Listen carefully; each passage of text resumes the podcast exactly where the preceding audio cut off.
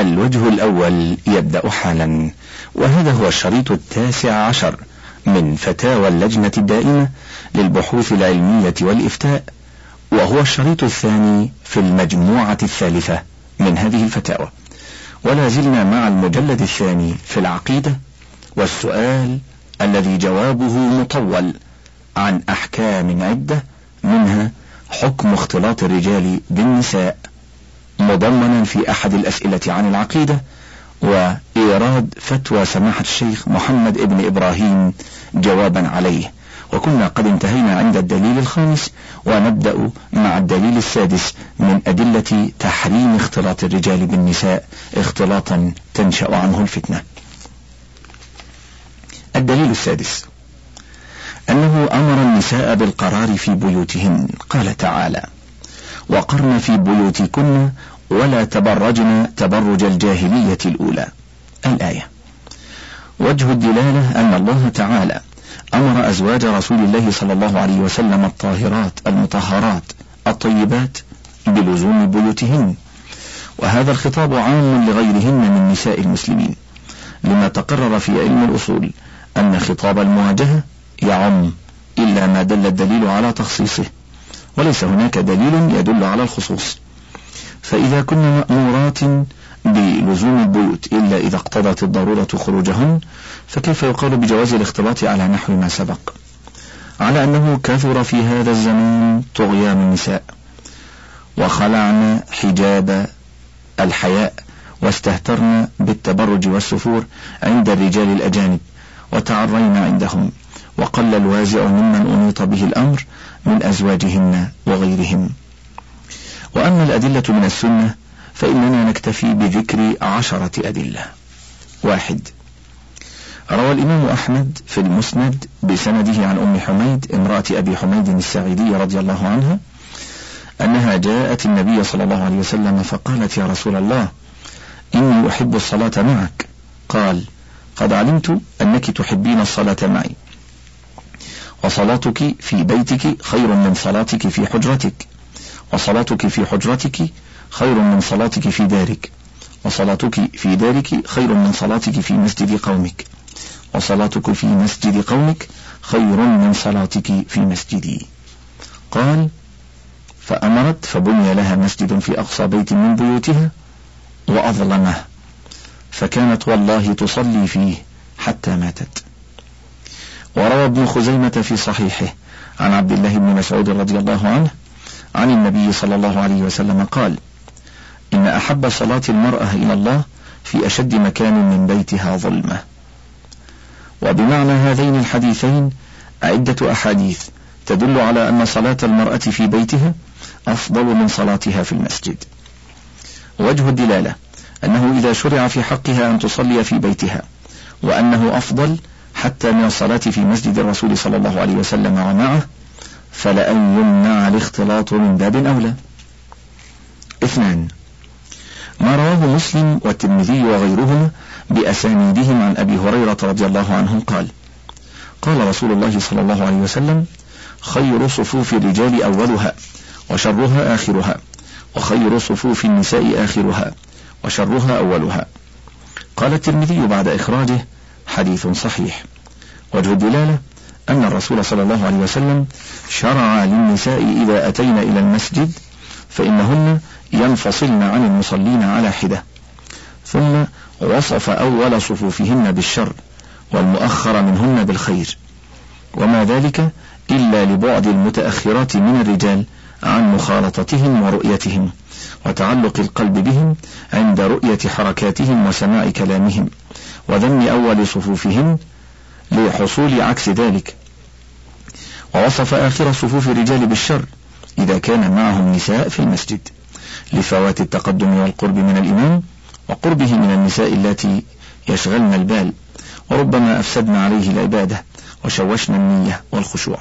فإذا كان الشارع توقع حصول ذلك في مواطن العبادة مع أنه لم يحصل اختلاط وإنما هو مقاربة فكيف إذا وقع الاختلاط؟ ثلاثة. روى مسلم في صحيحه عن زينب زوجة عبد الله بن مسعود رضي الله عنها قالت قال لنا رسول الله صلى الله عليه وسلم إذا شهدت إحداكن المسجد فلا تمس طيبا. وروى أبو داود في سننه والإمام أحمد والشافعي في مسنديهما بأسانيدهم. عن أبي هريرة رضي الله عنه أن رسول الله صلى الله عليه وسلم قال لا تمنعوا إماء الله مساجد الله ولكن ليخرجن وهن تفلات.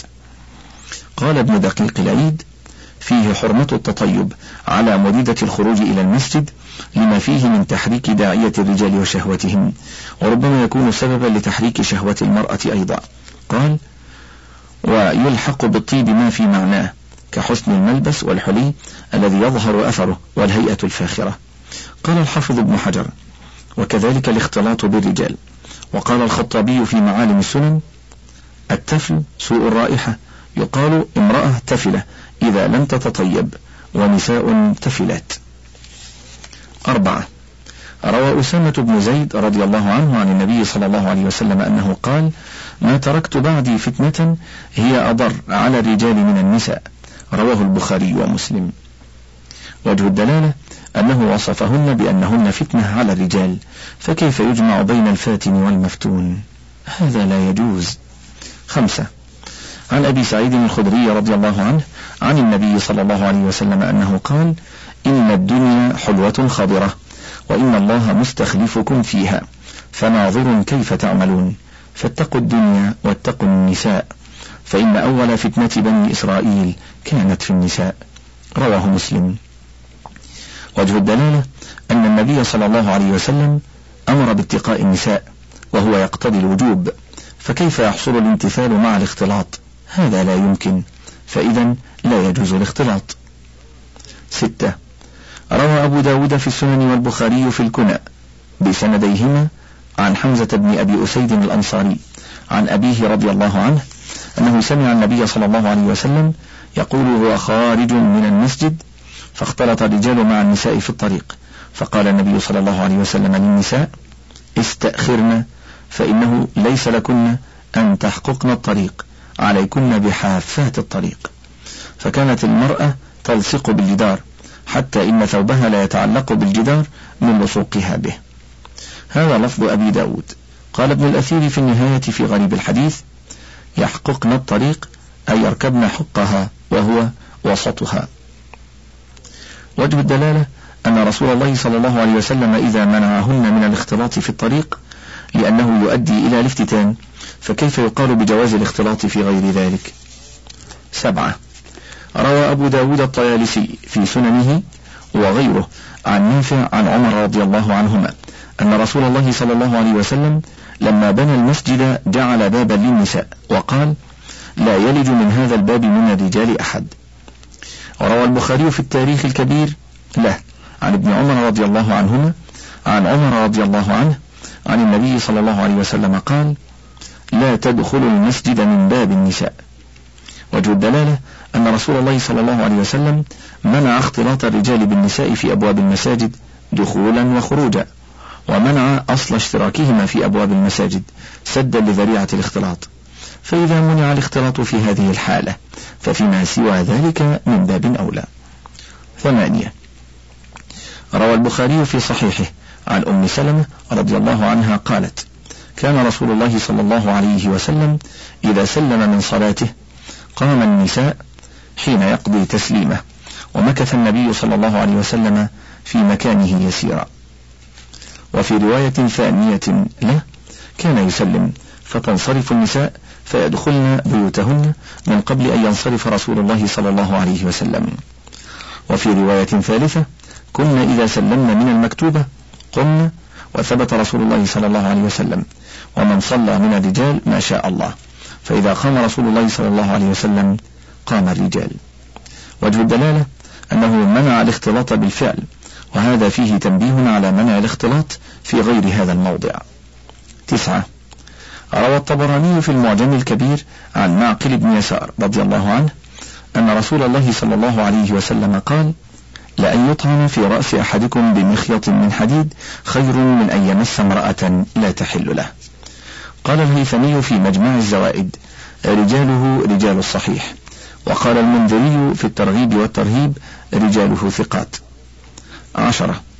وروى الطبراني أيضا من حديث أبي أمامة رضي الله عنه عن النبي صلى الله عليه وسلم أنه قال لأن يزحم رجل خنزيرا متلطخا بطين وحمأة. خير له من أن يزحب منكبه منكب امرأة لا تحل له. وجه الدلالة من الحديثين.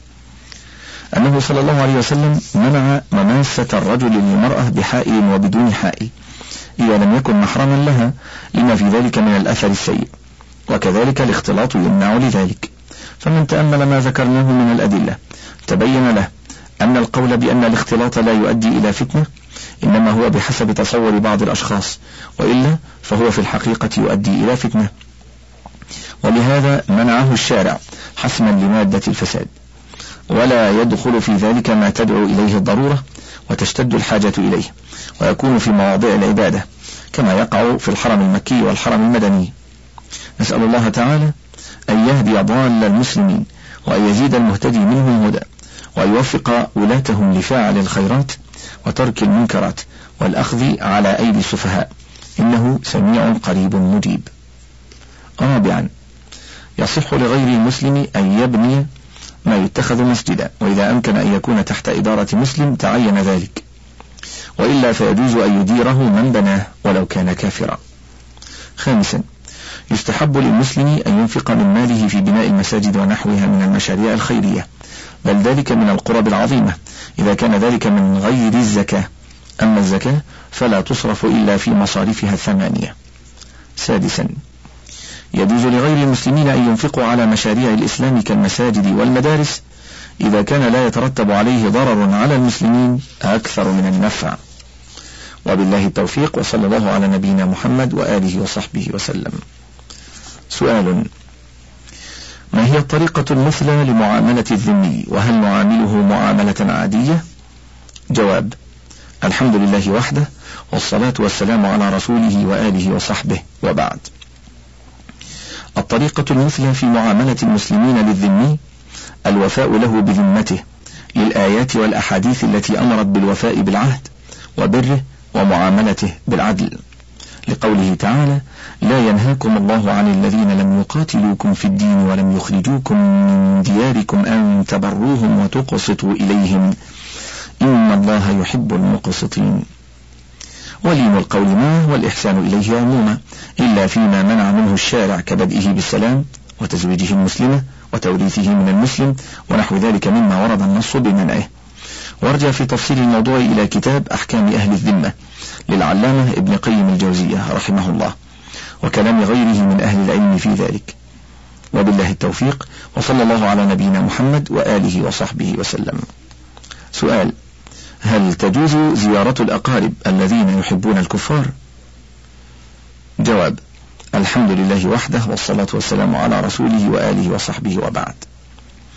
إذا كان من يزورهم ينصحهم ويرشدهم إلى ترك ما هم عليه من محبة الكفار ويشرح لهم معنى الولاء للمؤمنين والبراء من الكافرين ليعرفوا ما يجب عليهم في ذلك وما يحرم فيرجى تمسكهم بدينهم وتركهم ما هم عليه من المنكر جاز له زيارتهم بل قد تجب عليه.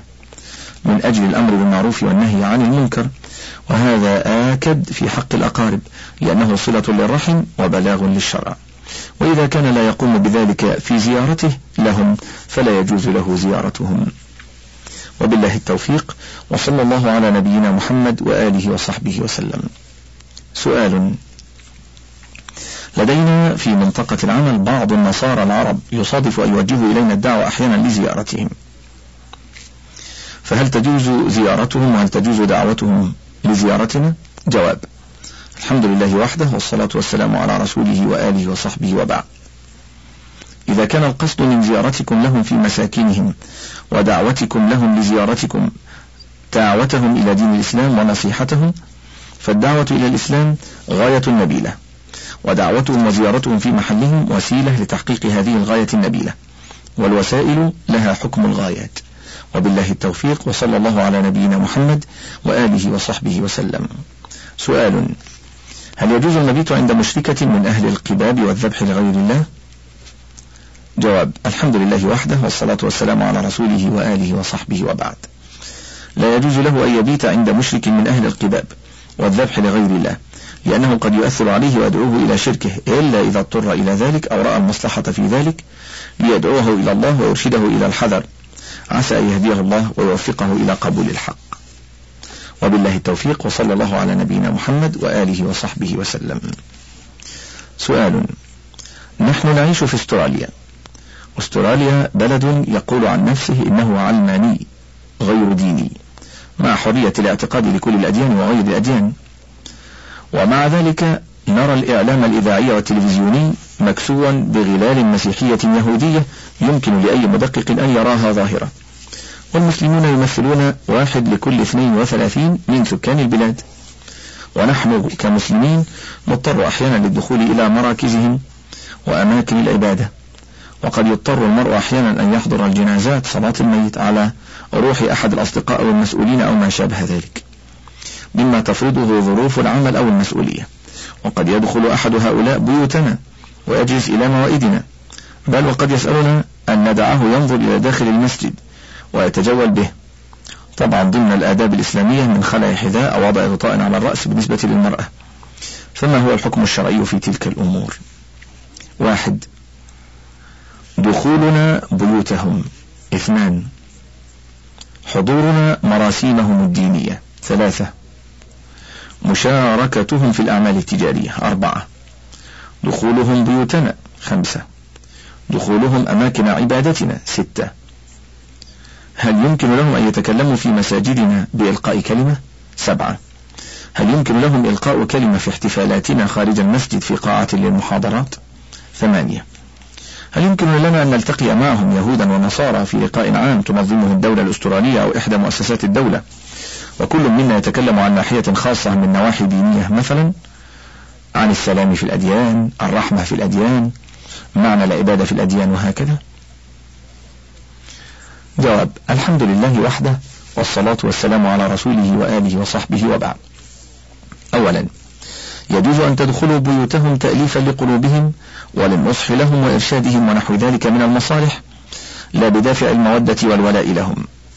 ثانيا لا يجوز أن تحضروا مراسيمهم الدينية فإن في ذلك إشعارا باعتبارها والرضا بها والتعظيم لها كما أن في ذلك تكثيرا لسوادهم في الاجتماع لإقامة شعائرهم الدينية. ثالثا تجوز مشاركتهم في الأعمال التجارية المباحة إذا أمن من يشاركهم من المسلمين غشهم وتعاملهم بما حرم الله من الربا والقمار والغرر ونحو ذلك. ولكن ترك مشاركتهم في التجارة خير وأولى بعدا عن موارد الريبة ومواقع التهم والظنون والخطر. رابعا يجوز أن نأذن لهم في زيارتنا في بيوتنا مع الأمن من الفتنة والمحافظة على حرمات الأسرة. ما دام في ذلك تأليف لقلوبهم والنصح والإرشاد. عسى يجد في حسن المعاملة ومراعاة آداب الزيارة سماحة الإسلام. فيستجيب للنصيحة ويدخل في الإسلام. قال الله تعالى لا ينهاكم الله عن الذين لم يقاتلوكم في الدين ولم يخرجوكم من دياركم أن تبروهم وتقسطوا إليهم. إن الله يحب المقسطين. إنما ينهاكم الله عن الذين قاتلوكم في الدين وأخرجوكم من دياركم وظاهروا على إخراجكم أن تولوهم ومن يتولهم فأولئك هم الظالمون. خامسا لا يجوز أن يدخلوا المسجد الحرام ولا حرم مكة ولا يجوز للمسلمين أن يمكنوهم من ذلك. ويجوز أن يدخلوا الأماكن الأخرى المعدة للعبادة لسماع المواعظ والمحاضرات الإسلامية. عسى الله أن يجعل بيننا وبينهم مودة ويرقق قلوبهم وأن يتوب عليهم. إن الله غفور رحيم. سادسا لا يجوز أن نمكنهم من إلقاء كلمات أو محاضرات في مساجد المسلمين فإنهم لا يؤمن جانبهم أن يثيروا شكوكا أو يلحدوا في دين الله أو يكسبوا وجهة من ذلك في نظر الحاضرين فتكون فتنة وفساد كبير. وكذا الحكم في إلقائهم كلمات أو محاضرات في مجامعنا ومحافلنا الخاصة بالمسلمين لما تقدم بيانه من الأسباب. سابعا يجوز أن نجتمع بالكافرين في مجامع عامة أسستها الدولة وقامت بتنظيمها للمناظرات والندوات العلمية وإلقاء المحاضرات في الشؤون الدينية على أن يقوم من حضر من علماء المسلمين ببيان عقائد الإسلام وأركانه وآدابه ويدفع ما يثيره من حضر من أهل الأديان الأخرى من شبهات حول الإسلام ويفند مقالاتهم التي يشوهون بها الإسلام إلى غير ذلك مما فيه نصر للحق ودفاع عنه. أما من يخشى عليه من الفتنة في دينه لجهله أو ضعف استعداده وتفكيره أو لقلة معلوماته عن دينه من المسلمين فلا يجوز له الحضور في هذه المجامع وأمثالها حفظا له من الفتن وخوفا عليه أن تداخله الريب والشكوك. وبالله التوفيق وصلى الله على نبينا محمد وآله وصحبه وسلم. سؤال في حكم كفار أهل الكتاب المقيمين بين أظهرنا مع العلم بعدم دفعهم جزية. بل إنهم يعادون أهل الإسلام ولا يتركون موطئا يعود على الإسلام بالأذى والضر إلا وشاركوا فيه خفية أو جهارا. فكيف يكون التعامل معهم؟ وكيف يبدي المسلم عدم الموالاة لهم في هذا الموضع؟ جواب الحمد لله وحده والصلاة والسلام على رسوله وآله وصحبه وبعد. من سالم المسلمين من الكفار وكف عنهم أذاه عاملناه بالتي هي أحسن وقمنا بواجب الإسلام نحوه. من بر ونصح وإرشاد ودعوة إلى الإسلام وإقامة الحجة عليه. رجاء أن يدخل في دين الإسلام. فإن استجاب فالحمد لله. وإن أبى طالبناه بما يجب عليه من الحقوق التي دل عليها الكتاب والسنة. فإن أبى قاتلناه حتى تكون كلمة الله هي العليا وكلمة الكفر هي السفلى. أما من تعالى على المسلمين منهم وتولاهم بالأذى وبيت لهم الشر فالواجب على المسلمين أن يدعوه إلى الإسلام. فإن أبى قوتل نصرة للدين وكفا لأذاه عن المسلمين. قال الله تعالى لا تجد قوما يؤمنون بالله واليوم الآخر يوادون من حاد الله ورسوله ولو كانوا آباءهم أو أبناءهم أو إخوانهم أو عشيرتهم. أولئك كتب في قلوبهم الإيمان وأيدهم بروح منه. الآية. وقال تعالى لا ينهاكم الله عن الذين لم يقاتلوكم في الدين ولم يخرجوكم من دياركم أن تبروهم وتقسطوا إليهم. إن الله يحب المقسطين. إنما ينهاكم الله عن الذين قاتلوكم في الدين وأخرجوكم من دياركم وظاهروا على إخراجكم أن تولوهم ومن يتولهم فأولئك هم الظالمون.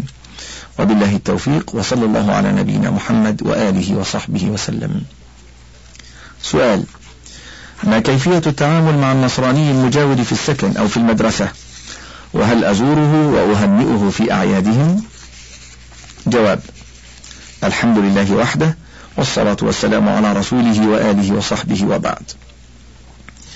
يجوز التعامل مع النصراني المجاور بالإحسان إليه ومساعدته في الأمور المباحة والبر به وزيارته لدعوته إلى الله تعالى لعل الله أن يهديه للإسلام. وأما حضور أعيادهم وتهنئتهم بها فلا يجوز ذلك لقول الله سبحانه وتعاونوا على البر والتقوى ولا تعاونوا على الإثم والعدوان لأن حضور أعيادهم والتهنئة نوع من الموالاة المحرمة وهكذا اتخاذهم أصدقاء. وبالله التوفيق وصلى الله على نبينا محمد وآله وصحبه وسلم. سؤال أذهب لرحلة كل عام في الخارج اليونان النمسا. أنا وزوجتي وطفلتي. ونقضي فترة أسبوعين في البحر والجزر اليونانية الجميلة كالحدائق والحدائق كنوع من الفسحة البرية هل يجوز ذلك مع العلم أنني أحافظ على الصلاة أنا وزوجتي؟ زوجتي لا تكشف عن جسدها. لا نأكل إلا الفواكه ولا نحتك بالأجانب ولا نرى عوراتهم. أفيدونا بذلك. جواب الحمد لله وحده والصلاة والسلام على رسوله وآله وصحبه وبعد. لا يجوز السفر لبلاد أهل الشرك إلا لمسوغ شرعي وليس قصد الفسحة مسوغا للسفر. لقول النبي صلى الله عليه وسلم أنا بريء من كل مسلم يقيم بين أظهر المشركين. رواه أبو داود. ولذلك ننصحك بعدم الذهاب لتلك البلاد ونحوها للغرض المذكور لما في ذلك من التعرض للفتنة والإقامة بين أظهر الكفار. وقد صح عن النبي صلى الله عليه وسلم أنه قال أنا بريء من كل مسلم يقيم بين المشركين. وجاء في هذا المعنى أحاديث أخرى.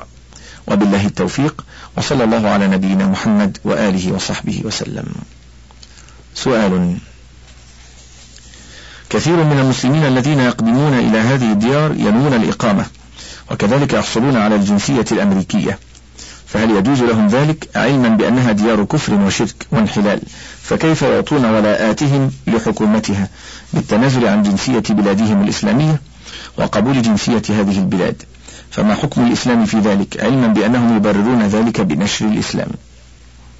جواب الحمد لله وحده والصلاة والسلام على رسوله وآله وصحبه وبعد. لا يجوز لمسلم أن يتجنس بجنسية بلاد حكومتها كافرة لأن ذلك وسيلة إلى موالاتهم والموافقة على ما هم عليه من الباطل. أما الإقامة بدون أخذ الجنسية فالأصل فيها المنع. لقوله تعالى إن الذين توفاهم الملائكة ظالمي أنفسهم قالوا فيم كنتم? قالوا كنا مستضعفين في الأرض. قالوا ألم تكن أرض الله واسعة فتهاجروا فيها؟ فأولئك مأواهم جهنم وساءت مصيرا إلا المستضعفين. الآية. ولقول النبي صلى الله عليه وسلم أنا بريء من كل مسلم يقيم بين المشركين. ولأحاديث أخرى في ذلك. ولإجماع المسلمين على وجوب الهجرة من بلاد الشرك إلى بلاد الإسلام مع الاستطاعة. لكن من أقام من أهل العلم والبصيرة في الدين بين المشركين لإبلاغهم دين الإسلام ودعوتهم إليه فلا حرج عليه إذا لم يخشى الفتنة في دينه وكان يرجو التأثير فيهم وهدايتهم. وبالله التوفيق وصلى الله على نبينا محمد وآله وصحبه وسلم. سؤال في يوم جاءت جارة لنا نصرانية وتحدثت إلى أمي أنه لم يرسل نبي بعد عيسى عليه السلام وذكرت لها أن عيسى هو ابن الله تعالى الله عما يقولون علوا كبيرا. ولقد ردت أمي عليها وذكرت أن قصة بحيرة الراهب كانت والرسول صلى الله عليه وسلم صغير ولا يمكن أن يكون هو الذي لقنه هذا الكتاب. وذلك ردا على تلك الشبهة التي قد رد الله عليها في كتابه. وعندما علمت بذلك قلت إن هذه المرأة حتى لو كانت معاهدة فإن تهجمها العلني على الله سبحانه وتعالى وسبها له كما ورد في حديث البخاري شتمني ابن آدم الحديث وأنها تهجمت على رسول الله صلى الله عليه وسلم وذكرت عدم نبوته وبالتالي كذبة فلا بد أن تعاقب على ذلك. وحيث إننا نوجد في بلد أنت أعلم بحاله فلم أستطع إلا طردها من البيت. وذلك بعد مناقشتها. فسألتها عن فارقميط فلم تعرف وكلمتها عن اضطراب الأناجيل ثم عن اضطرابها في عقيدتها في عيسى عليه السلام. هل هو الله أم ابنه؟ وبعد هذه المناقشة والتي قالت في نهايتها إنها جاهلة ثم ذكرت شبهاتهم القديمة كالاحتجاج بأن الشيعة تقدح في القرآن وبعض الآيات المتشابهة التي ذكرت عن عيسى أنه كلمة منه وروح. وغير ذلك مما رد عليه الأئمة مثل ابن حزم وابن تيمية وغيرهما رحمهم الله. فلما وجدتها قالت هذا كله طردتها من الشقة وقلت لها إن الذي يسب الله ويسب رسوله صلى الله عليه وسلم لا يدخل شقة المسلمين. ثم بعد ذلك بيومين جاءت إلى أمي واعتذرت لها وعندما علمت بذلك قلت لأمي إن هذا الجرم لا يقبل فيه عذر لأن هذه الجريمة لم تكن شخصية ولكنها كانت في حق الله تعالى. وأنا لا أملك قبول عذر أحد في حق الله وحق رسوله صلى الله عليه وسلم. وقلت لها لو رأيتها لو رأيتها لطردتها ثانية. ثم بعد ذلك دخلت فوجدتها في الشقة. وقد أحضرت ما يسمونه بهدية عيد الأم الذي ابتدعه علي أمين في مصر. فقلت لها اخرجي برة ولولا دفاع أمي عنها لكنت أخرجتها بالقوة ولكن وقفت أمي. ووقفتها جعلتني أخشى أن ترى هذه الكافرة معركة بين المسلمين. ثم بعد ذلك قام زوجها بالتكلم مع أخي الكبير على سماحة الإسلام وحق الجيران وما إلى ذلك من الأمور وطلب منه أن يقوم بالاعتذار لها على ما بدر مني. والحق إن أخي لم يقع معي في مشاكل ولكنه أثار قضية حقوق الجيران. وأن القوة أصبحت لهم وما إلى ذلك من الشبهات. فقلت له أنني سأرسل لفضيلة الشيخ ابن باز أسأله عن هذه الأمور. أولا هل ما قمت به من التصرف خطأ أم لا؟ ثانيا ما هو حق هؤلاء كجيران والحال هكذا؟ ثالثا ما حدود سماحة الإسلام في حق الأشخاص؟ ومن تعدى على حق شخص لي؟ ومن تعدى على حق الله؟ رابعا ما هي حقوق النصارى وما وضعهم بالضبط؟ أهل عهد أهل حرب أم ماذا؟ خامسا ما هي حقوق الجيران النصارى بالتفصيل؟ سادسا كيف أتصرف بعد ذلك معهم؟ وإذا طلبت هذه المرأة ود أمي ببعض الهدايا أو غير ذلك فماذا أفعل؟ فضلا اقلب الشريط لتستمع إلى الجواب المطول.